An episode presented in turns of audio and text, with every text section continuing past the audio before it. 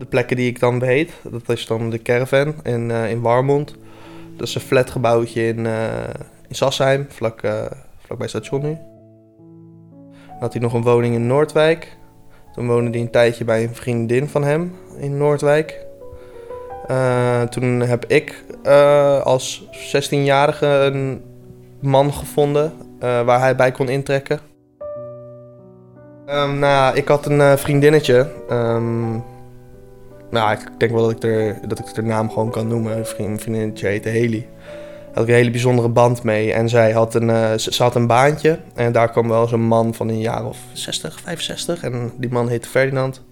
En uh, ja, daar gingen wij ook naartoe. Zij vertrouwde hem heel erg. Uh, het was eigenlijk haar vertrouwenspersoon. En uiteindelijk werd dat ook voor mij. Ik kon ook met hem lekker praten over de situaties waar ik mee zat.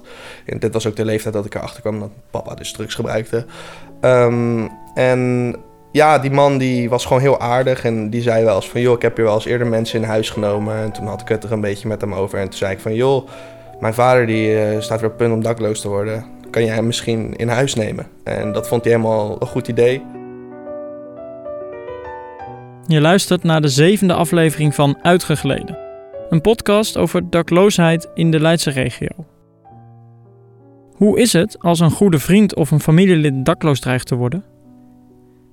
Veel mensen hebben nog wel een bank of een bed voor eventjes. Maar na een tijdje drogen ook die opties langzaam op. Wat dan rest zijn bungalowparken of kraakpanden. En uiteindelijk de dakloze opvang in Leiden.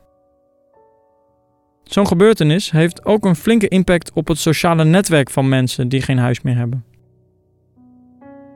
Om dat te begrijpen gaan Jan en ik naar het huis waar oud-brandweerman Roel 21 jaar geleden vader werd. Uh, ik ben Sven Rodeburg, 21 jaar. Uh, ik kom uit Voorhout. Ik ben uh, DJ en producer. Um, ja, en als voor deze podcast dan natuurlijk zoontje van Roel. Ja, je zegt het zoontje van Roel, van 21. Uh, niet meer echt het zoontje, maar eh, ook wel een beetje het zoontje... omdat je uh, Roel vroeger je vader was, denk ik dan, hè? Ja, ja, ja daar ging het ook voornamelijk om. Ik blijf altijd, uh, hij blijft altijd mijn vader van mijn jongere jaren. Want daarna moest ik het wel vaker alleen doen. Ja. Dus ja... Kan je eens omschrijven uh, hoe dat was als de negen of tienjarige Sven uh, uh, met een papa die bij de brandweer werkt? Ja, dat vond ik altijd wel cool. Ik was al wat jonger, ik denk dat ik 6, 7 was. het was super cool. Altijd was wel mijn held. was echt mijn held. Ik weet nog een keer in Sassheim was ik mijn verjaardag bij mijn oom. En op een gegeven moment was ik met mijn neefjes aan het gamen. En toen keken we uit het raam. En toen was er dus een hele grote rookwolk. En dat was echt een paar straten verderop. En mijn vader, die kreeg een piepermelding. Dus die race in zijn auto gelijk naar Voorhout, naar de kazerne toe. En die uh, ging natuurlijk naar die brand daar toe in Sassheim. En ik wist dat hij erheen ging, dus ik ging er naar kijken. En ik zag mijn vader in zijn brandweeroutfit, weet je wel. Dat brandende huis binnengaan. En ik zei, god, dat is mijn vader, weet je wel. Hij was helemaal aan het werk. Dus ja, dat vond ik altijd wel heel cool. Weet je, echt uh, de brandweerman gewoon. Ja, en ja. Uh, zoals hij zelf zei, hè, uh, grote auto, lekker naar de speeltuin, dat soort dingen. Ja, ja, ja, ja. ik weet alleen nog van de Opel Safari, weet ik nog één ding heel goed. Toen zaten we hier voor de deur en ik zei zo, pap, de speakers zijn wel luid. En hij zei, ja, maar ze kunnen nog veel harder. En toen deed hij het volume gewoon keihard. En ik weet, volgens mij was dat Madonna. Echt super fout dat er toen aan stond. En toen zat ik met mijn vader keihard muziek te luisteren. Ja, dat weet ik nog wel. Speeltuin week uh, helaas niet meer zoveel van. Straks hoor je ook Roel zelf. Onder meer over de liefde voor muziek die hij deelt met zijn zoon. Wat je al van hem weet, is dat Roel een posttraumatische stressstoornis heeft opgelopen tijdens zijn werk op Schiphol. Vroeger was hij heel wat rustiger, uh, heel zorgzaam. Ik kon altijd met hem, uh, met hem spelen en stoeien, om zo maar te zeggen. En uh, ja, altijd gewoon rustig. Nu, als ik nu naar hem kijk, is hij veel gespannen. Als ik hem één keer bijvoorbeeld net te luid ben of net te snel beweeg of zo, dan wordt hij al gelijk wat meer gespannen. En ja, het zorgzame richting mij, voor mijn gevoel, is weg. Dus uh, het is gewoon ja, wel een ander persoon geworden eigenlijk door gewoon alle gebeurtenissen. Um, het is. Je wilt als kind zijn, wil je veiligheid. En zodra veiligheid, dus een van de grootste, belangrijkste pijlers voor een thuissituatie en voor een kind, als dat weg is, dan word je bang. dan weet je niet wat je moet doen. Dan is er ook nog eens een man in huis, dit van mijn vader, die niet meer hoi komt zeggen. Die ging gewoon gelijk naar boven. Hij had boven zijn DJ-set altijd staan, ging hij muziek maken, maar hij kwam niet eens meer hoi zeggen. Als hij beneden kwam, moesten wij maar gewoon stil zijn. Als wij iets te hard praten, dan merkten we het wel. En dan merkten we wel door middel van woorden of ineens beweging, weet je wel, dat wij, uh, dat het aan ons lag. Weet je het moment dat je uh, ouders besloten van hè, het is niet meer goed dat Roel hier blijft wonen? Kan je dat herinneren? Um, nou, niet het exacte moment, maar ik weet wel zeker een gebeurtenis die voor mij er heel erg um, ja, eraan linkt dat het wel beter is dat ze uit elkaar zijn gegaan. Het was gewoon een keer een hele heftige ruzie hier thuis toen ik boven was met mijn neefje. Toen had ik een, een Gamecube. was, uh, van Nintendo was dat een van de modernere gameconsoles toen destijds. En we hoorden op een gegeven moment allemaal uh, geschreeuw van beneden en allemaal knallen. En op een gegeven moment waren er super luide knallen, luider dan de knallen daarvoor. En ja, toen gingen we naar beneden toe. Heel voorzichtig, want ik dacht zo natuurlijk van ja, papa en mama hebben wel eens ruzie. Zou het zijn dat... En ik kom beneden en eigenlijk de woonkamer die je hier nu ziet... ja, we natuurlijk andere, ander meubilair, maar was gewoon ontploft, letterlijk. we hadden een doos met domino stenen. Echt, er waren duizenden stenen die lagen gewoon door de hele woonkamer heen.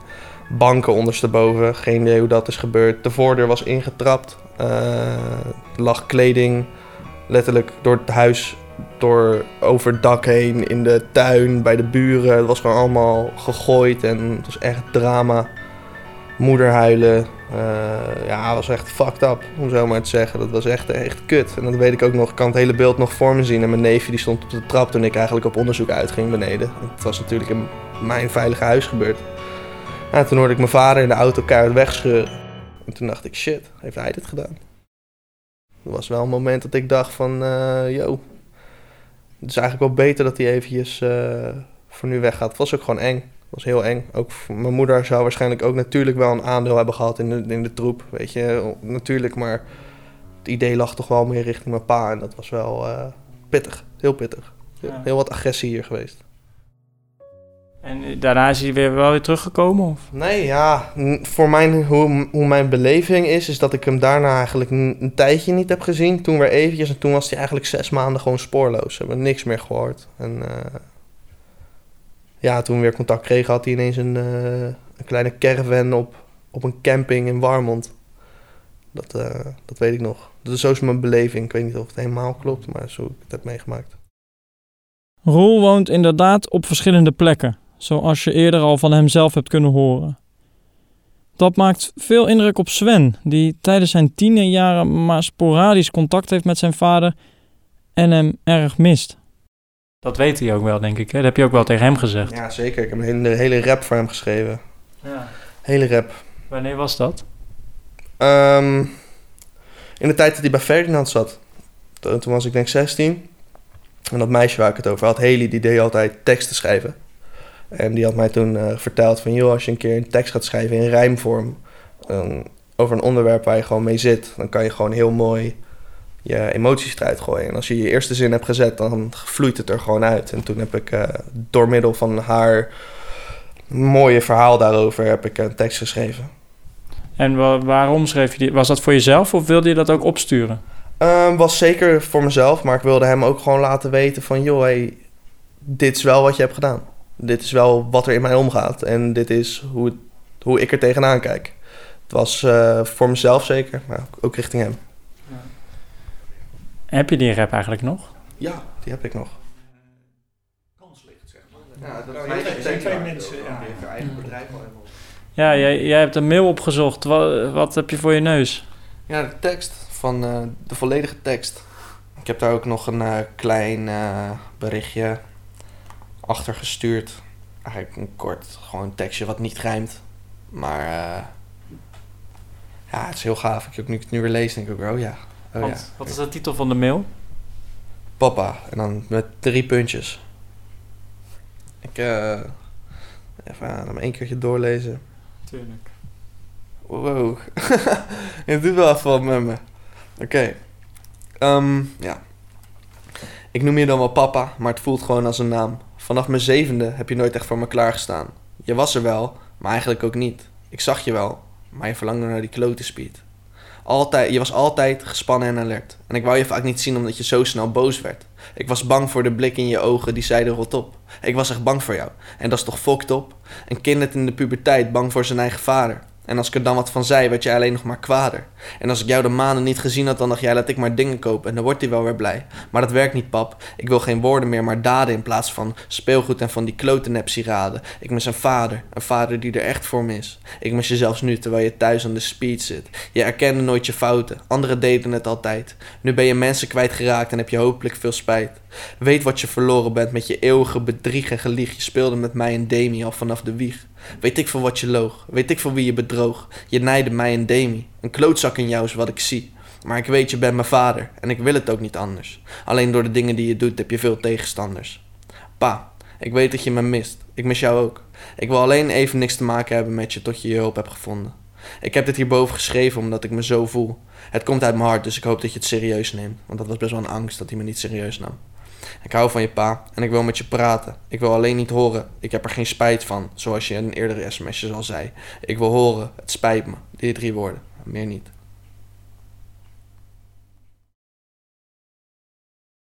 Ja, toen moest ik echt wel... Uh, nou, nou moet ik hulp gaan zoeken.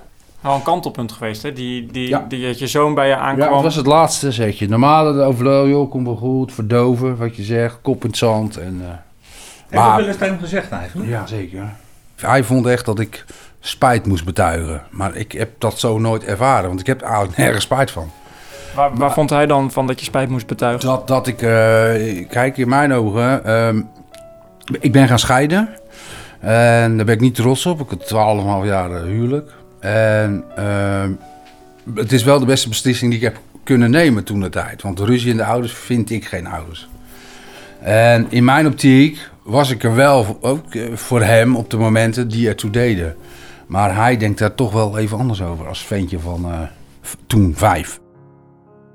Ik wil wel, uh, ja, echt wel een vader hebben, weet je wel, die ook er cool mee is om je een knuffel te geven. Die er ook naar je wilt luisteren met interesse. Die um, ook naar jou problemen kan luisteren. Weet je, ik heb gewoon eigenlijk de tegenovergestelde rol gehad. Dat ik eigenlijk meer naar mijn vader aan het luisteren was over zijn problemen en meer dingen voor hem deed dan hij voor mij. Weet je, en uh, dat, ik miste zeker wel een vader. Heel erg, heel erg.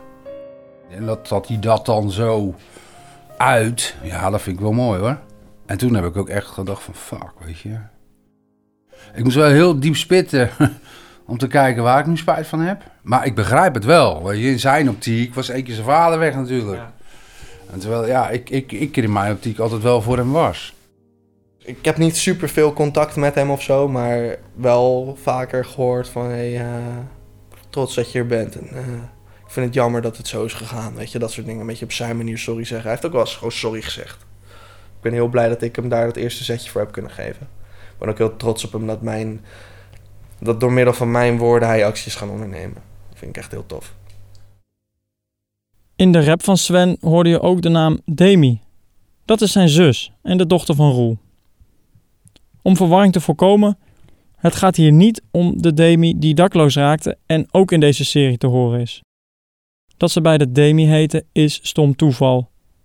En het is ook bijzaak. Want de rap die Sven maakte markeert de start van een nieuwe band tussen vader en zoon. Op een gegeven moment krijgt Sven bijvoorbeeld een rondleiding door de daklozenopvang in Leiden. Ik kreeg pas begrip voor dakloosheid toen ik wist dat mijn vader dakloos was. Toen hij mij een keer had meegenomen naar de daklozenopvang, de Binnenvest. Toen kreeg ik pas echt eh, de realiteit van... wow, het zijn helemaal niet allemaal gekke, gekke mensen, weet je. Het zijn helemaal het zijn gewoon, de gewoon normale mensen die het gewoon lastig hebben eigenlijk, weet je wel. Het zijn helemaal niet allemaal junkies, weet je. Shit, ja. Er wordt zo neerbuigend naar gekeken. En ik zeg je ook, ik zeg het eerlijk, toen ik op de middelbare school zat, was ik ook zo van, dakloos, daar hoef ik niks mee te maken te hebben. Maar ja, toen mijn vader dakloos werd, kreeg ik echt wel begrip van, shit man, het kan gewoon maar echt bij iedereen gebeuren. Gewoon echt bij iedereen. Toen ik een jaar of 16 was, toen hij, uh, ja, na die rap was dat, toen stelde hij me ook voor aan die, uh, die jonge baron die uh, straatsoldaat heeft geschreven. Hij heeft me eigenlijk een beetje in zijn wereld gewoon geïntroduceerd en me laten zien waar hij gewoon, uh, rond, rond aan het hangen was en hoe het daar allemaal ging.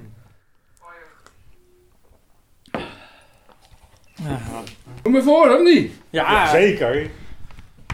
moet je even uitleggen wat je gaat laten horen. Straatsoldaat. Zo heet het nummer. Deze is van Baron zelf, hè? Ja, Baron, eh, Jeffrey en Jan Stevens. En hoe heb je die nou gevonden? Die had ik op mijn USB. Vet. Door de muziek zijn wij wel enorm tot elkaar gekomen. Dat is, eh, dat is wel een ding, ja.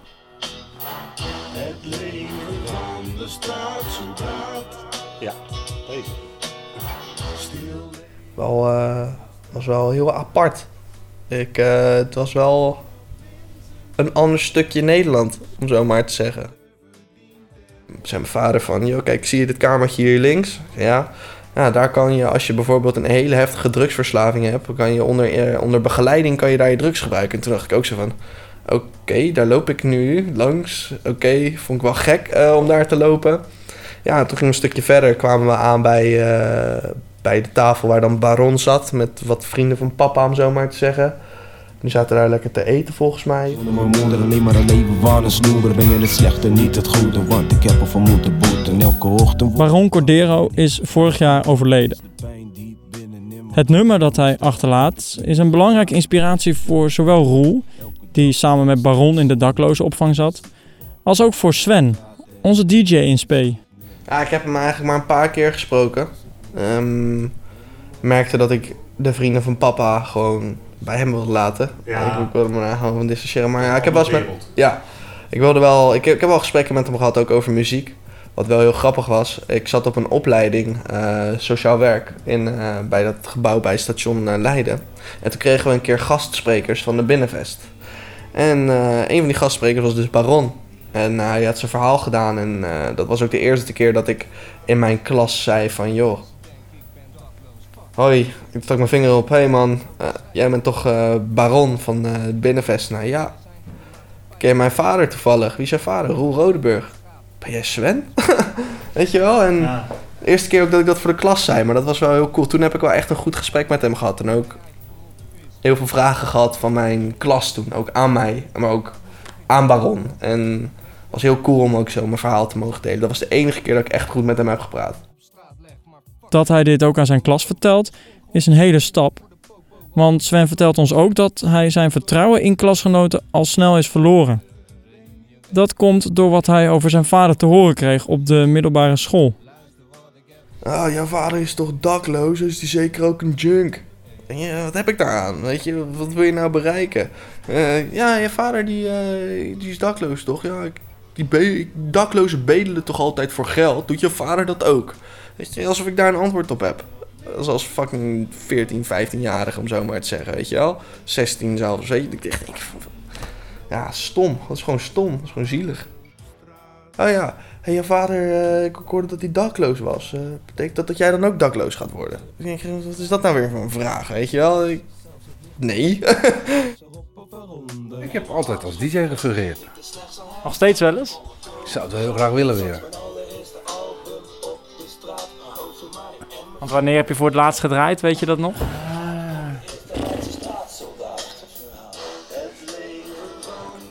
Jeetje. Dat is ook alweer een jaar of vier terug, denk ik. Vijf. Ja. En mijn zoon die doet het nu ook. Dat is wel leuk. Ja, gaat DJ'en. Ja, ja die gaat goed hoor. Allemaal op straat.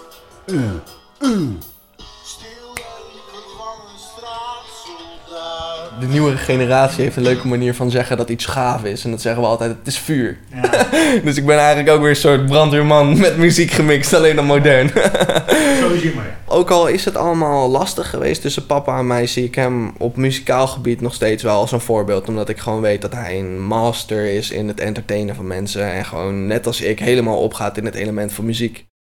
Het klinkt misschien gek, maar ondanks dat ik 21 ben en hij is 50. Ik ken eigenlijk alleen maar hem met muziek. Ik ken niks anders van pap. Ik, ik weet eigenlijk helemaal niet zo goed wie die is. Tot nu toe is ook het enige wat ons verbindt, is muziek. Hij is, uh, we zijn zo afwezig geweest van elkaar, dus ja, muziek is het enige.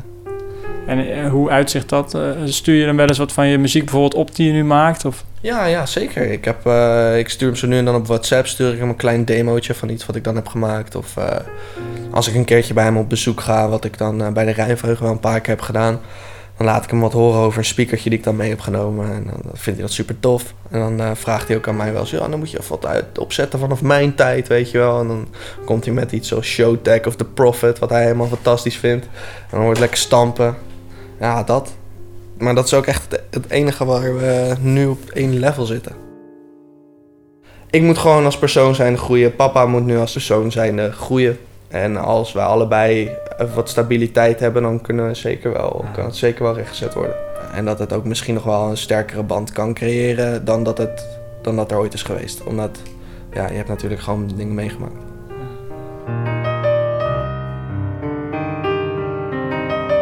Je luisterde naar het zevende deel van de podcastserie Uitgegleden. Er komen nog drie delen. En de volgende keer hoor je in Uitgegleden alles begint weer qua hulpverlening voor mijn gevoel weer opnieuw. Toch gaan we wel uh, stappen maken.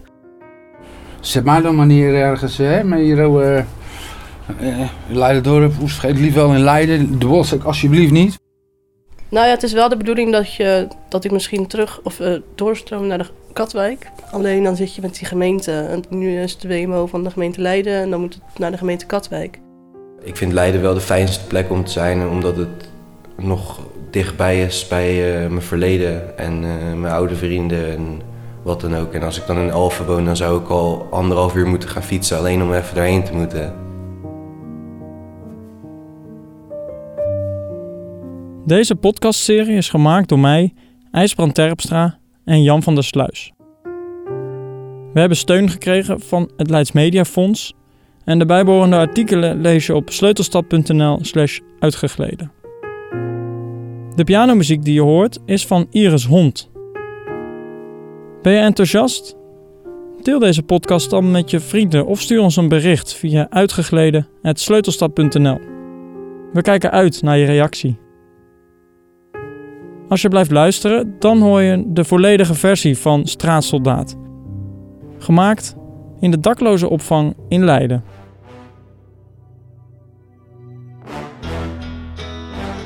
Ik had hem natuurlijk een beter leven gegund. Maar het heeft hem wel gemaakt wie hij nu is. En ondanks dat het niet helemaal als mijn echte vader voelt, zal hij altijd wel gewoon mijn vader zijn. Het leven van de straatsoldaat. Stil leven van de straatsoldaat. Zodat mensen zien dat hij misschien beter verdient en bovendien lopen we allemaal op straat.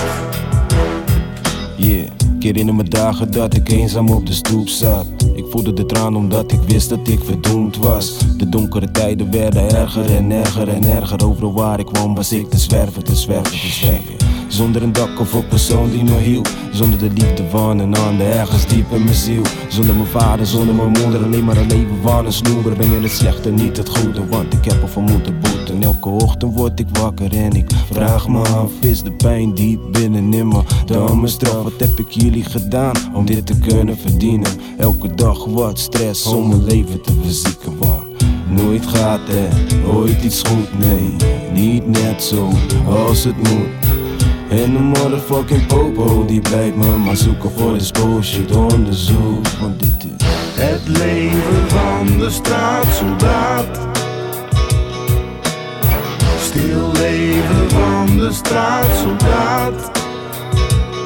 Zodat mensen zien dat hij misschien beter verdient. En bovendien lopen we allemaal op straat Mensen denken ik ben dakloos, fuck dat yo, ik ben kansrijk. Ik pak die flow en schrijf van mijn lijf. Yo baron, geef me die mic. Ja wij zijn de maatschappij die pijn lijdt Maar wie pijn lijdt krijgt wijsheid. Op straat, de gevangenis van vrijheid. Daar zit ik buiten mijn tijd uit. Dus je schrikt als je op mij stuit. S'nachts in je portiek met min 5 buiten. Maak je mij uit voor de vis Alsof het verdomme een zonde is om te schuilen. Dat maakt me toch geen junk of alcoholist. Nee, gewoon voor een slaapplek. Dit is een verzorgingsstaat, zeggen ze terwijl ik toch nog op straat leg. Maar fuck it, ik hou mijn hoofd hoog. En sprong gewoon van vier hoog voor de popo. Want voor Jan Lil de bak in, psh, no go. En zo Jaagt iedereen je weg en hoort niemand wat je zegt. Maar luister wat ik heb te zeggen, want als al die neppe rappers ben ik bijzonder Want ik leef Het leven van de straatsoldaat. Stil leven van de straatsoldaat. Zodat mensen zien dat hij misschien beter verdient. En bovendien lopen we allemaal op straat.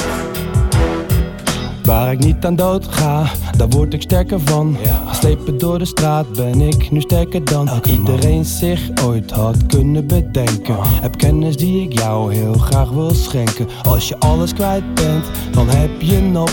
En voor je het weet hang je in de strop. Dus als je slim bent, let dan heel goed op. En prent deze woorden goed in je kop. Ondanks alles kom ik er met geloof weer bovenop. Hard als een trein die voor niemand stopt. Een weg vol hindernissen, zelfs het licht was slecht. Het was erop of eronder en een hard gevecht. Dit is slechts een heads up van wat komen gaat. Het straks mijn allereerste album op de straat. Over mij en mijn vrienden op de maat. Het verhaal van de eerste Leidse straatsoldaat. Echt een verhaal. Het leven van de straatsoldaat. Stil leven van de straatsoldaat. Zodat mensen zien dat hij misschien beter verdient. En bovendien lopen we allemaal op straat. Stil leven van een straatsoldaat.